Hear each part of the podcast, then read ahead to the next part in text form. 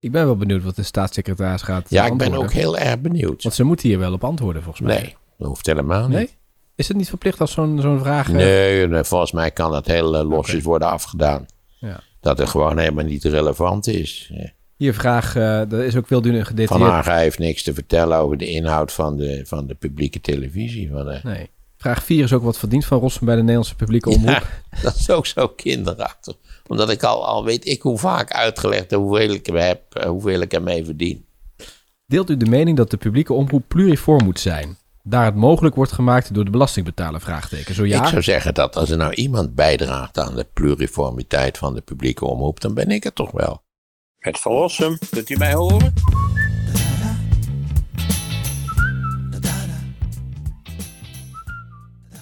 Hey, zijn er ooit eh, kamervragen over jou gesteld? Nee, maar ik begreep nu dat Van Haga gaat kamervragen over mij stellen. Hier, dit is het documentje. Ja, waaruit eh, naar mijn idee vooral blijkt dat hij een heel slecht Kamerlid is. De Kamerlid is. Want het zou mij verbazen als daar überhaupt op gereageerd... Als, A zou het me al verbazen als hij het echt doet. En B zou het me verbazen als daarop gereageerd wordt. Ja, maar dit is ingediend. Hè? Ik heb het eventjes uitgeprint. Dit is het documentje. Er staat ook een Ja. nummer op. Tweede Kamer der Staten-Generaal. Vragen gesteld door de leden der Kamer.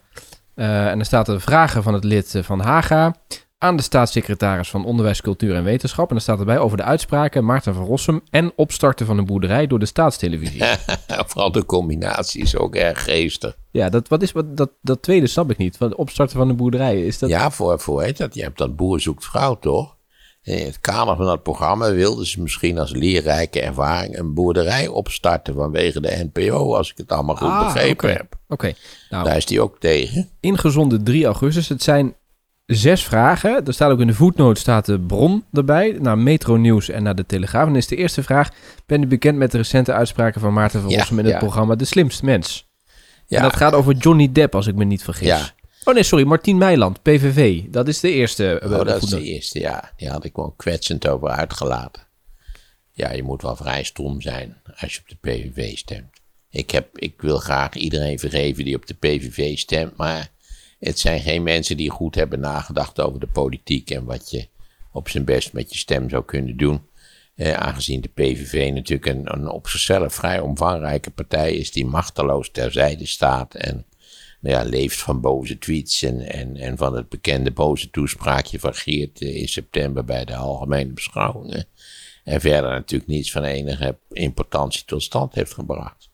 Dus het is eigenlijk zonde van je stem. Stem in godsnaam op een partij die in principe eh, redelijk meedoet aan het, aan het eh, vaststellen van beleid en het uitvoeren van beleid en het controleren van beleid. Waarbij van, bij de PVV nauwelijks of geen sprake van is. Eh, ja, dat Van Hagen die indient. Hij weet, hij doet dat voor zijn achterban. Dat, dat is zo klaar als een klontje. Kijk, Van Haga, dat is een afsplitsing van, van de gekke club van eh, Thierry Baudet. Wat ook al te denken geeft dat je dus weer afsplitst van een gekke club. Of je dan nog gekker wordt, weet ik niet. Of juist iets minder gek bent.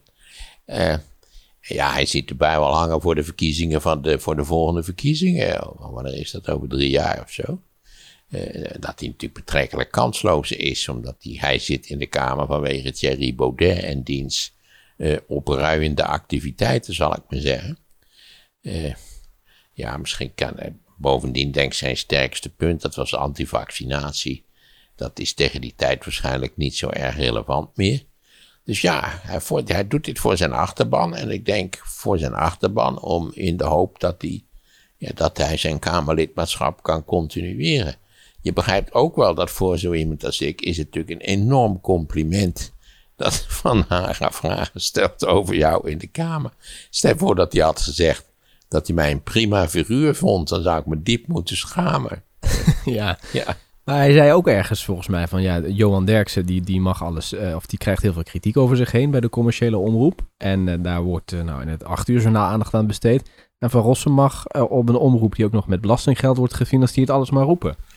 Ja, maar dat komt dat hij natuurlijk wat ik gezegd heb volkomen verkeerd geïnterpreteerd heeft. En natuurlijk wel bewust volkomen verkeerd geïnterpreteerd heeft. Ik vond helemaal, ik, ik heb helemaal niet opgeroepen om Johnny Depp door zijn kop te schieten. Zoals kennelijk gesuggereerd wordt. Misschien moet je dat even uitleggen voor mensen die dat niet gezien hebben, waar dat nou over ging. Nou, het is, is ik weet, oh ja, dit is de slimste mensen, dus je kunt het gewoon opzoeken. Ik, ik, ik eh, liet mij in feite laatdunkend uit over veel nieuws. eh, wat je onvermijdelijkerwijs als nieuwsvolger wel oppikt, maar, maar wat jij helemaal niet wil oppikken. En, en ik, ik had het over een delete-knop die misschien de evolutie in je hersens zou kunnen aanbrengen, waardoor je al die lulkoek niet waar over filmsterretjes, eh, huwelijksproblemen onder bekende Nederlanders, eh, eh, eh, hoe heet het, eh, dat ze allemaal af willen vallen. Nou ja, dat, dat hele universum van onbeschrijfelijke kletskoek, eh, waar je nauwelijks aan ontsnappen kunt. En omdat ik natuurlijk ook, ik lees ook de New York Times erbij, zelfs de New York Times heeft enorm veel aandacht besteed aan die malle echtelijke ruzie tussen die Johnny Depp en die, en die ex-vrouw van hem. En toen voegde ik er dus aan toe van, nou wat mij betreft niet waar, schieten ze die Johnny Depp dood en begraven ze hem ergens op een anonieme plek. Maar dat was niet bedoeld om gaan eens doodschieten. Dat ging eigenlijk mij meer om de context van dat verschrikkelijke nieuws wat... eh, Klik het aan als je, als je Google News volgt. Het zit vol met dit soort van onzin. En eh, ook over bekende Nederlanders die een kindje verwachten. A, heb ik nooit van ze gehoord. En B, waarom verwachten ze allemaal kindjes en geen kinderen? Ook zoiets raars. Zouden ze allemaal dwergjes verwachten of zo, weet ik veel. Nou ja, het is... En ook altijd op zo'n gruwelijke toon. Het is, het is werkelijk... Nou daar ging, daar ging het eigenlijk over. Of dat nou was naar aanleiding van die, van die kluns van een Meiland die op de PVV had gestemd, dat weet ik niet.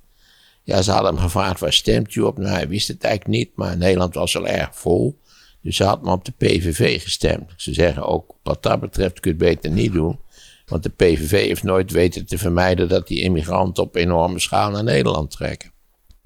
Ja, ik zie even kijken. Dat is het eigenlijk. Maar ik, ik, dus nogmaals, ik voelde mij wel eh, gefetteerd dat, dat Van Haga zich over mij had opgewonden. Ja, dit is, daar gaat nog die tweede vraag over. Hè. Wat vindt u van de uitspraak van Van Rossum? Wat mij betreft schieten ze die morgen dood en begraven ze hem op een anonieme plek. Dus, dus het citaat. Ja, maar dat is dus deel, onderdeel van een grotere redenering. En die redenering gaat over dat, dat kletsnieuws, het medianieuws, om, maar, om het maar in brede zin te Ja. zeggen.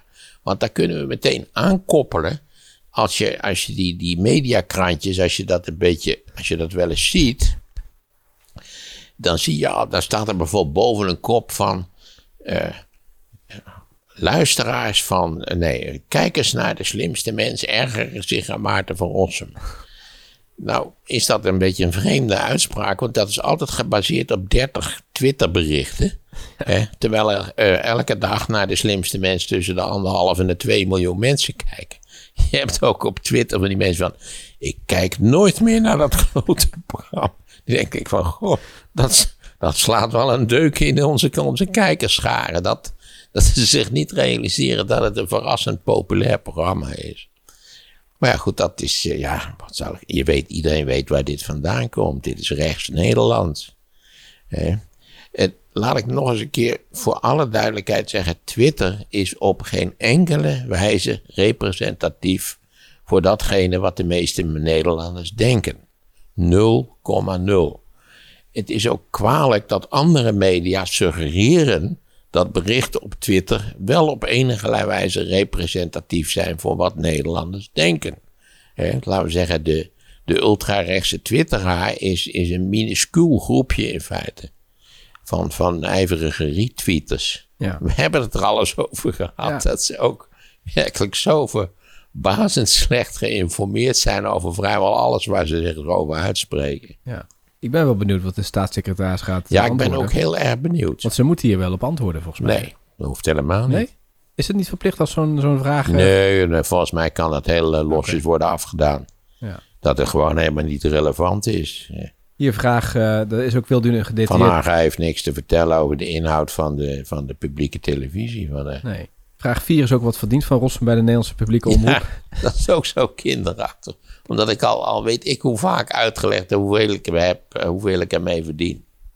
Deelt u de mening dat de publieke omroep pluriform moet zijn? daar het mogelijk wordt gemaakt door de belastingbetaler? Vraagteken. Zo ja. Ik zou zeggen dat als er nou iemand bijdraagt aan de pluriformiteit van de publieke omroep, dan ben ik het toch wel. Bovendien, dat begrijp je nooit van al deze mensen. Je hoeft helemaal niet te kijken, toch? Wie, wie dwingt ze? Je hebt ook wel van sterk de indruk dat mensen expres naar de, naar de slimste mens kijken, alleen om zich te ergeren. Ja.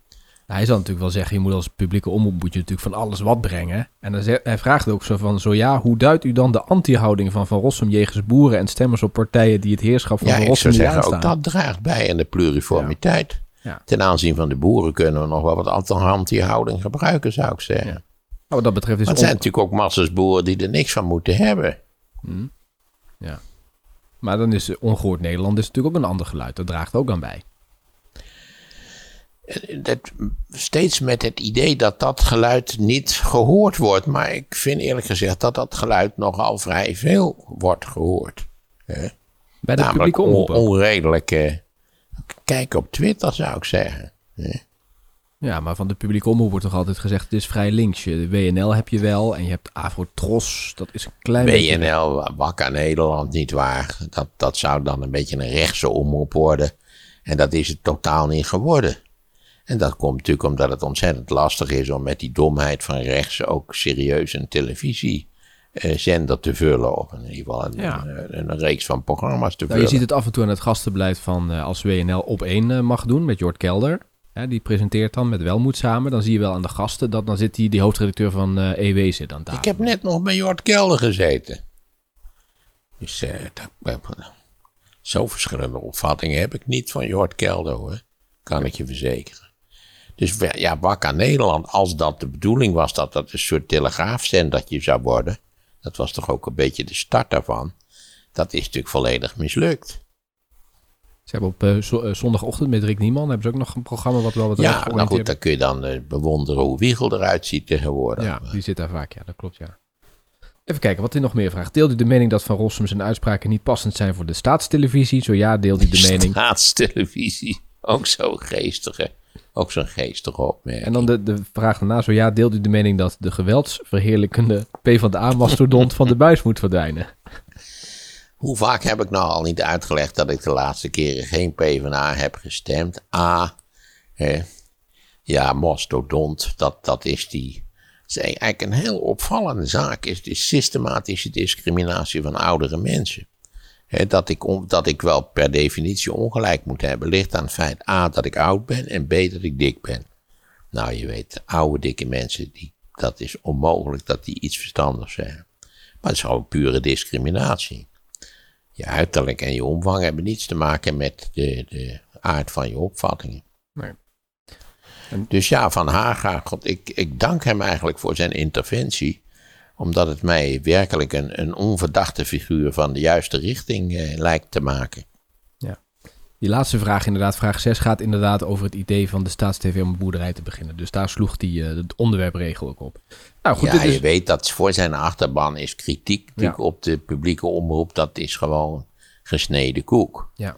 Maar ik heb bezwaar tegen al die publicaties die suggereren dat dus een, een, tiental van die, van die tweets, dat dat iets te maken heeft met opvattingen van de kijker, de burger, de kiezer. Nee, dat zijn hele specifieke, betrekkelijk kleine groepen.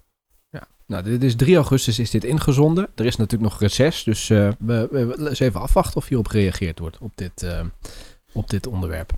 Deze brief. Heb je de boerenontwikkelingen nog een beetje gevolgd? Want ze zaten in Utrecht hier te overleggen, hè? Ja, ja, ik heb dat wel een beetje gevolgd. En nou ja, je begrijpt wat ik daarover denk. Eh, daar, daar, was, daar was, begreep ik, constructief gesproken. Althans, dat vond Remkes. Dat vonden de boeren niet. Die, die natuurlijk in toenemende mate aankoersen op een soort ultimatieve opstelling. Waar je moet, allemaal, je moet alles doen wat wij zeggen. Anders gaan we weer demonstreren op grote schaal. Het wordt dan nog erger dan het al was. Eh, ja, dat is een beetje een raar standpunt natuurlijk. Ik begreep dat ook andere eh, onderdelen van, van andere groepen die aan het overleg deel hadden genomen, eigenlijk nogal boos waren dat die boeren meteen hadden gezegd: nee, dit is allemaal zulk slap gelul. Wij slaan de deur dicht en we gaan eh, in de, in de hoogste versnelling weer, weer protesteren. Ik zou zeggen, ga praten, blijf praten. Er waren wat wisselende geluiden. Er waren mensen die zaten erbij in Utrecht in het provinciehuis. Ja, zag, het was best wel positief. ja, zeker. En die waren geschokt dat de boeren dus eh, bij, bij het beëindigen van de gesprekken hadden gezegd: ja, allemaal volstrekt onvoldoende. Ja, ultimatief. Ja, dat zo werkt het in Nederland niet dat je ultimatief dingen kunt doen. Nee. Zij wel, en dan krijg je die boze man van Farmers Defence Force. Ja. Hè? Die ziet er ook uit alsof hij een beetje boos is. Is altijd boos. Ja, hij is altijd boos. Ja, ik hoop dat hij voor zijn familie een beetje gezellig is. Eh, ja, en die ging weer. Dat gaan, ze gaan nu in de hoogste versnelling. Dus ja, je weet hoe ik daarover denk. Hè? Dat de overheid dat heeft laten gebeuren. Dat, dat wij op dit punt Gods water over Gods akker laten vloeien. Vind ik verwerpelijk. Ja. Vind ik, ook, ik vind die minister-president onbegrijpelijk die dan zegt: nee, we kunnen dit niet tolereren. Nee, dit kan absoluut niet. Sturen ze ook nog de politiechef, die komt meedeelt, is crimineel. Je krijgt eh, lange gevangenisstraffen. En vervolgens doen ze dus niks. Want bij die, bij die levensgevaarlijke tegen de richting inrijerij in, ook ergens in Noord-Holland geloof ik of zo. Daar waren geen eh, arrestaties of ook geen bekeuringen uitgedeeld. Waar vind je dat de- grens ligt van demonstreren? Ik vind sowieso dit soort van acties, waarbij je in feite allerlei mensen hindert die er helemaal niets mee te maken hebben. En we hebben van alles en nog wat gehad natuurlijk. Dat was in die eerste fase al zo. eh, ook geweldsgebruik. Eh, en en eh, nu hebben we gehad dat die, dat die voedseldistributiecentra ge- geblokkeerd werden. Ik vind dat volkomen intolerabel. En dat geldt natuurlijk ook voor brandstichten. Eh, het veroorzaken van gevaarlijke situaties op de wegen. Allemaal dingen die. eh, wat de politiechef zo, zo eloquent uitlegde. Het is crimineel en er staan zware straffen op. Ik zou zeggen, doe er wat aan, overheid. Eh, maar ja, onze overheid laat dat over zijn kant gaan. Ja. Kennelijk bang voor confrontatie, bang voor electoraal verlies. Ik denk dat die CDA natuurlijk ook zegt, jongens, kalm aan, maar misschien, hoe lang kunnen we dat balletje in de lucht houden, dat wij ook een beetje voor de boeren zijn. Ja, en tenslotte zal er toch een compromis uit moeten rollen. Iemand trok het vergelijk deze week met die railschoppers eh, toen eh, met die COVID-lockdown. volgens mij Rotterdam, waar steden helemaal kapot zijn gemaakt. De winkels en de ruiten van in zijn geslagen. Die werden natuurlijk meteen voor de rechter gehaald en gesleept. Ja, maar bij de boeren, die hebben een soort wonderlijke uitzonderingspositie, hebben die. En dan zijn er natuurlijk massa's boeren die er helemaal niks van moeten hebben. Dus ja, Maar misschien een beetje verplaatsen in eh, wat er nu, want er wordt natuurlijk, eh, ondanks dat ze niet reageren, wel overlegd, denk ik, in appgroepjes en gebeld heen en weer. Zouden ze wi- willen voorkomen dat het escaleert, dat ze niet ingrijpen? ja, daar zijn ze doodsbang voor. Maar de vraag is natuurlijk, hoe lang moet je zeggen van ja, we- het kan escaleren, weet je wat. Eh, God, een paar van die lullige fikjes langs de weg, ook niet zo verschrikkelijk. Maar het gaat om het idee dat klaarblijkelijk sommige groepen, in casu de boeren, niet waar, eh, ja, min of meer vogel, nou, niet vogelvrij zijn, het omgekeerde natuurlijk, kunnen doen en laten waar ze zelf zin in hebben. En dat is natuurlijk, ja, als ze dingen doen die crimineel zijn en waar gevangenisstraffen op staan, waarom, waarom wordt er dan niet gehandeld? Ja, en die schade Dat wil helemaal niet zeggen dat ik vind dat die man van Farmers Defence voor 12 jaar de bak in moet.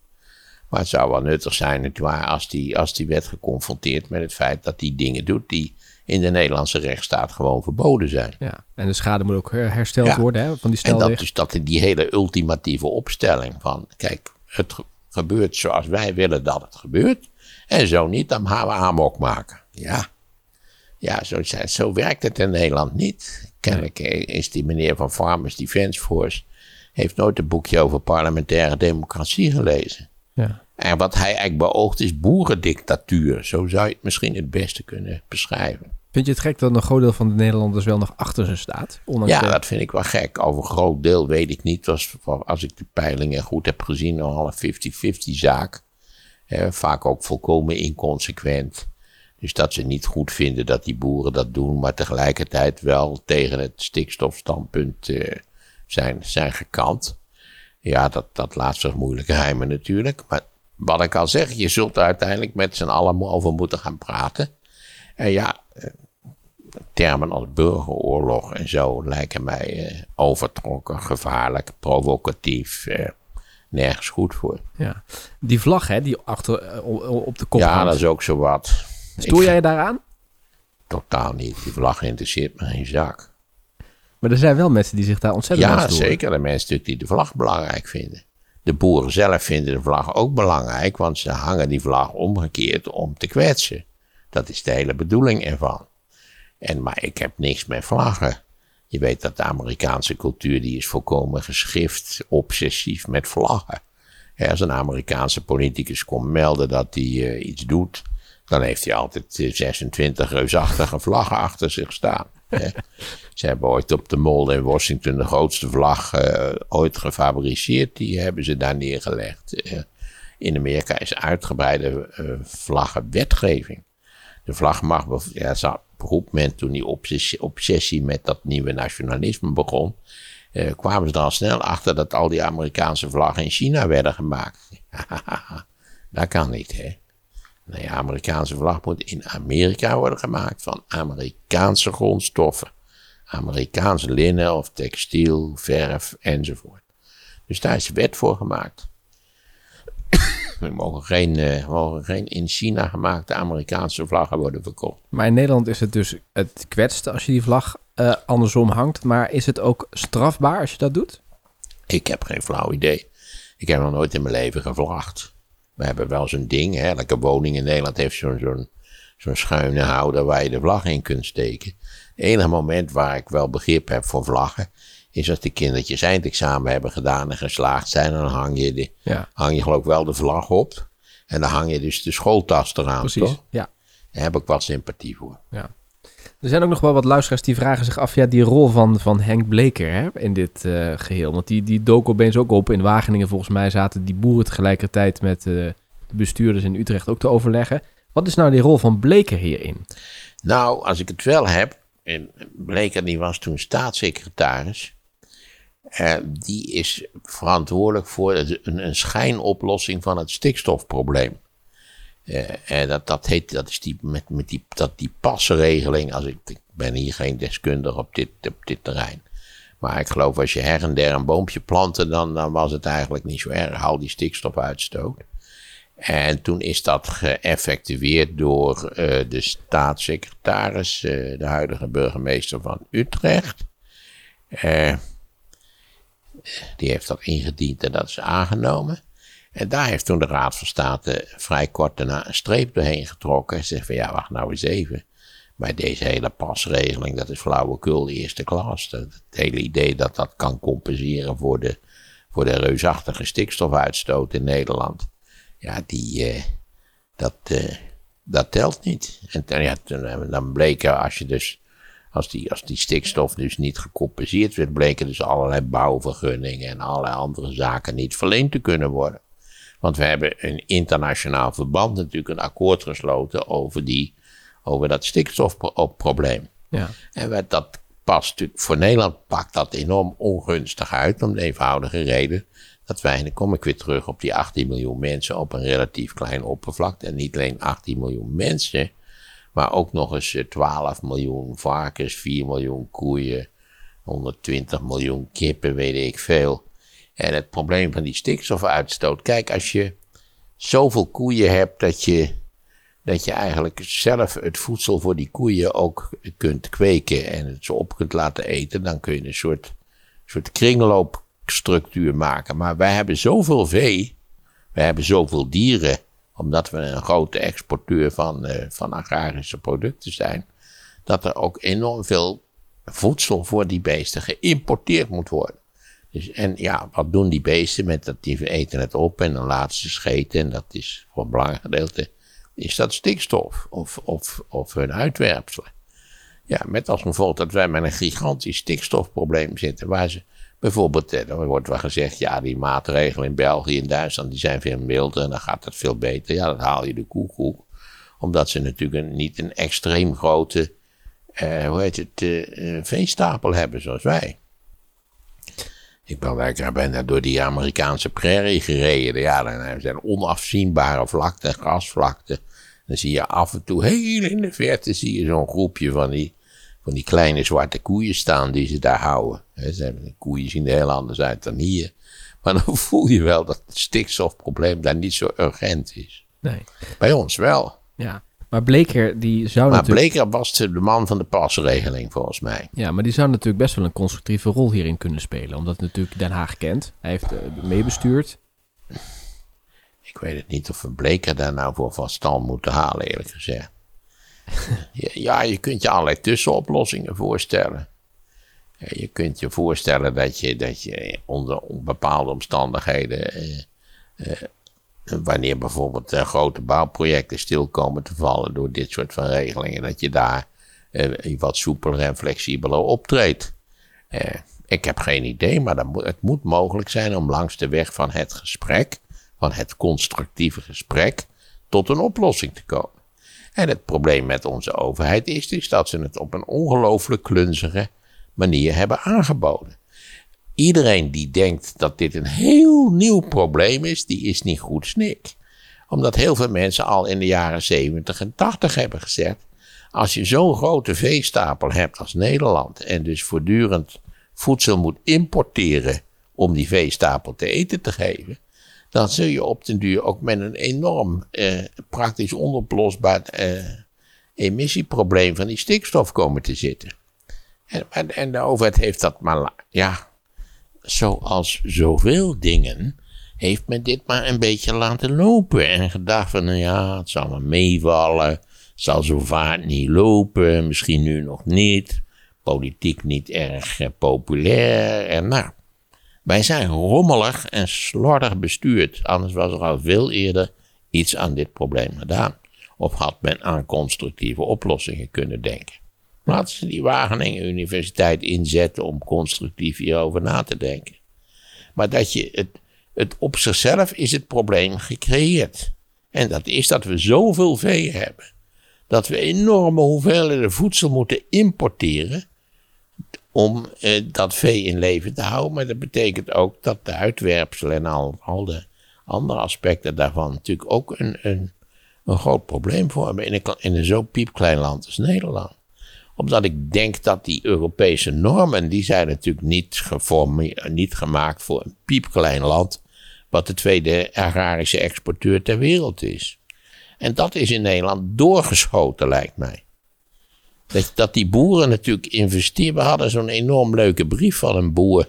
Die, die uitlegde waarom die toch, eh, hoewel die wel zag dat, dat het tegen de beperkingen aanloopt, dat hij toch wel moest investeren om in feite zijn rendement ook op een, normaal niveau te houden. Ja, de grote vriendelijke boer noemde hij zichzelf. De grote vriendelijke boer, ja. Nou, Die heb ik ook een heel hopelijk vriendelijk antwoord gestuurd. Ja. Ondertussen in de achterban van het CDA, je noemde ze al, best wel wat zorgen. Hè? Want dit zou wel eens het setje kunnen zijn richting de afgrond voor die partij. Ja, nou denk ik zelf eh, dat het CDA eh, reddeloos verloren is. En dat denk ik ook over de Partij van de Arbeid, althans landelijk. Eh, ze hebben toch op een goed moment een vrij ingrijpend de boot gemist. Ze hebben zich niet. Kijk, ze hebben namelijk de suggestie gewekt dat ze niet eigenlijk een soort VVD waren. Maar dat ze wel degelijk opkwamen voor datgene waar zij traditioneel voor opkwamen. Nou is natuurlijk het links-rechts probleem in het CDA altijd het probleem geweest. Want je had linkse CDA's en rechtse CDA's. Dat, ligt, dat is inherent in een confessionele partij. Maar goed, de Partij van de Arbeid was een, een sociaal-democratische partij. En, en werd als zodanig door de kiezers vertrouwd. En heeft natuurlijk in Rutte 2, ja, meegewerkt aan een reeks van, van bezuinigingen die hele kwalijke effecten hebben gehad op tal van terreinen. En nog steeds hebben. Hè, ik, ik, ik, wij hebben wel eens geconstateerd, maar ik las het nu laatst ook. Ja, eigenlijk staat Rutte voor een reeks van problemen die hij zelf veroorzaakt heeft in de afgelopen twaalf jaar. Niet persoonlijk, niet, hè, dat, dat maar goed, hij is er wel uiteindelijk de hoofdverantwoordelijke voor. En bij het CDA denk je van dit is niet meer recht. Nee, te dat is niet meer recht te breien, dat denk ik niet. Nee. Nee. Dus de eerste effecten gaan we daar... Ze eh, zullen waarschijnlijk een enorme knal krijgen van die BBB-beweging. nou moet je natuurlijk ook oppassen dat je niet eh, tijdelijk electoraal succes hoeft niet per se vertaald te worden in blijvend structureel electoraal succes. Nog even een slokje nemen. Ja. Maar het is wel interessant dat Elisabeth Spies toen nog eens een keer een aanbeveling heeft gedaan. hè, Toen het ook zo mis is gegaan een tijdje terug bij die partij. En ze zei onder andere, we hadden eigenlijk die, de, de, de leider eh, van de partij moet eigenlijk in de Tweede Kamer zitten. Dat, dat zou de partij goed doen. Dat is natuurlijk nu niet Dat gebeurd. geldt voor alle partijen. Het zou veel verstandiger zijn dat de partijleider, niet waar, de, de, eh, dat hij in de Kamer zit en niet, niet eh, meteen weer minister wordt. Dat, zou ik zeer, zeer toejuichen. Het lijkt mij ook meer in lijn van de parlementaire democratie. Omdat je natuurlijk, als je in het kabinet zit, dan moet het kabinet moet met één stem spreken. En daar zit jij dan voor het CDA of Partij van de Arbeid of wat het ook maar is, de VVD. En dus dan spreek je niet met een CDA-stem of een VVD-stem. Nee, je spreekt met de stem van het kabinet. En het kabinet is in Nederland noodzakelijkerwijze een coalitie. Waar, ja, waar geven en nemen en niet waar het de coalitie sowieso mogelijk maakt. Ja. Maar je, je, je zit erin als CDA-stem. Nee, want je kunt, als je, als je iets zegt, dan moet je namens het kabinet spreken, niet namens het CDA. Maar goed, het gaat nu wat minder met die partijen, de PvdA, CDA. Maar dat kan natuurlijk weer een tijd komen dat, dat ze de weg omhoog vinden. Nou, ik moet je zeggen, het zou me enorm verbazen.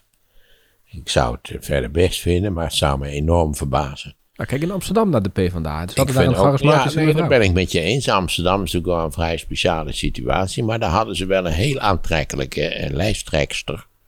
eh, die dat enorm goed gedaan heeft. Die gaan ze natuurlijk landelijk proberen in te zetten.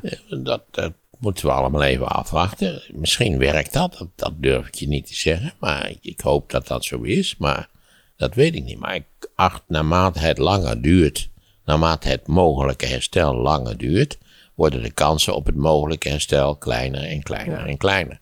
Omdat eigenlijk het electoraat vergeten is dat het ooit regelmatig op die partijen gestemd heeft. Ja. Maar bij het CDA Maar is ik geef toe, kijk naar Duitsland. Scholz heeft dat hersteld. Eh, of althans, het, de SPD staat nu de leidende partij in de coalitie. Eh, dus kennelijk kan het daar. Terwijl de SPD was er ook grotendeels al opgegeven. Ja. En ook bij het CDA, als je toch in de provincies gaat kijken en je gaat kijken wat voor jonge mensen zich daar toch verbinden aan die partij, dan moet daar toch op een gegeven moment ook een talent tussen zitten die misschien die partij weer eh, de weg omhoog kan doen vinden. Ik ben benieuwd. Ik geef er niet, er niet veel voor. Oké. Maar het zou kunnen.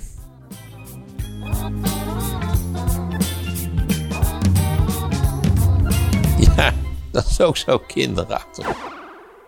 Voor heel veel blanke Amerikanen met een lage opleiding staat hij voor herstel van wat ooit in hun ogen het geweldige Amerika was. En u moet daarbij denken aan het Amerika van de jaren 50. Het luisterboek over het tijdperk Donald Trump. The American people are poised to reject the failed reign of Joe Biden, Nancy Pelosi. Download het luisterboek via de link in de show notes. Dat is allemaal een beetje rare retoriek, maar daar staat Donald Trump voor.